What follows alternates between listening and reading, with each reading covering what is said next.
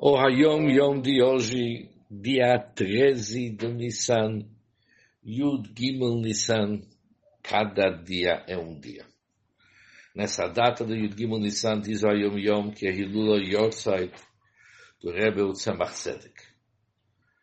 O falecimento dele era no ano 5626, 1866, na cidade de Lubavitch, e está lá enterrado.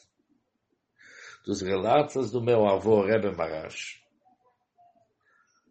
que falou sobre seu pai, o Tzemach Tzedek, falou o seguinte, que o Tzemach Tzedek começou a escrever sobre temas do Nigle, Talmud e Alachá, assim como de Hassidut, quando tinha apenas 12 anos.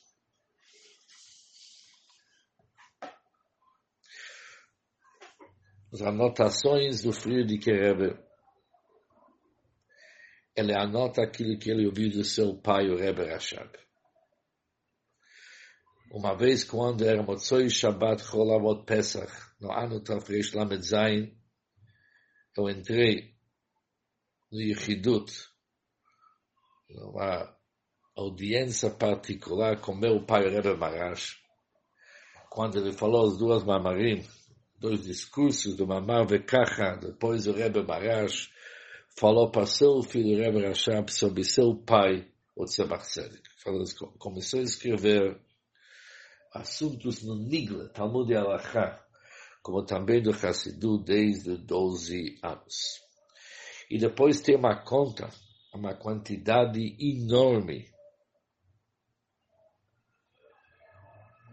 que o Tzemach Tzedek escreveu que ele escreveu durante 65 anos e seis meses, o Tzemach Tzedek escreveu.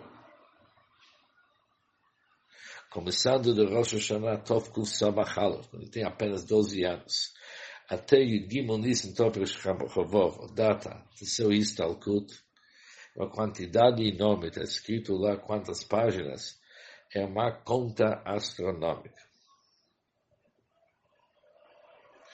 É mais ou menos três Beugens Lilian. Beugens é uma página enorme que era dobrado em seis partes, se não me engano. Mas é uma quantidade enorme que o Tzemach Tzedek escreveu. Bom dia para todos e muito sucesso.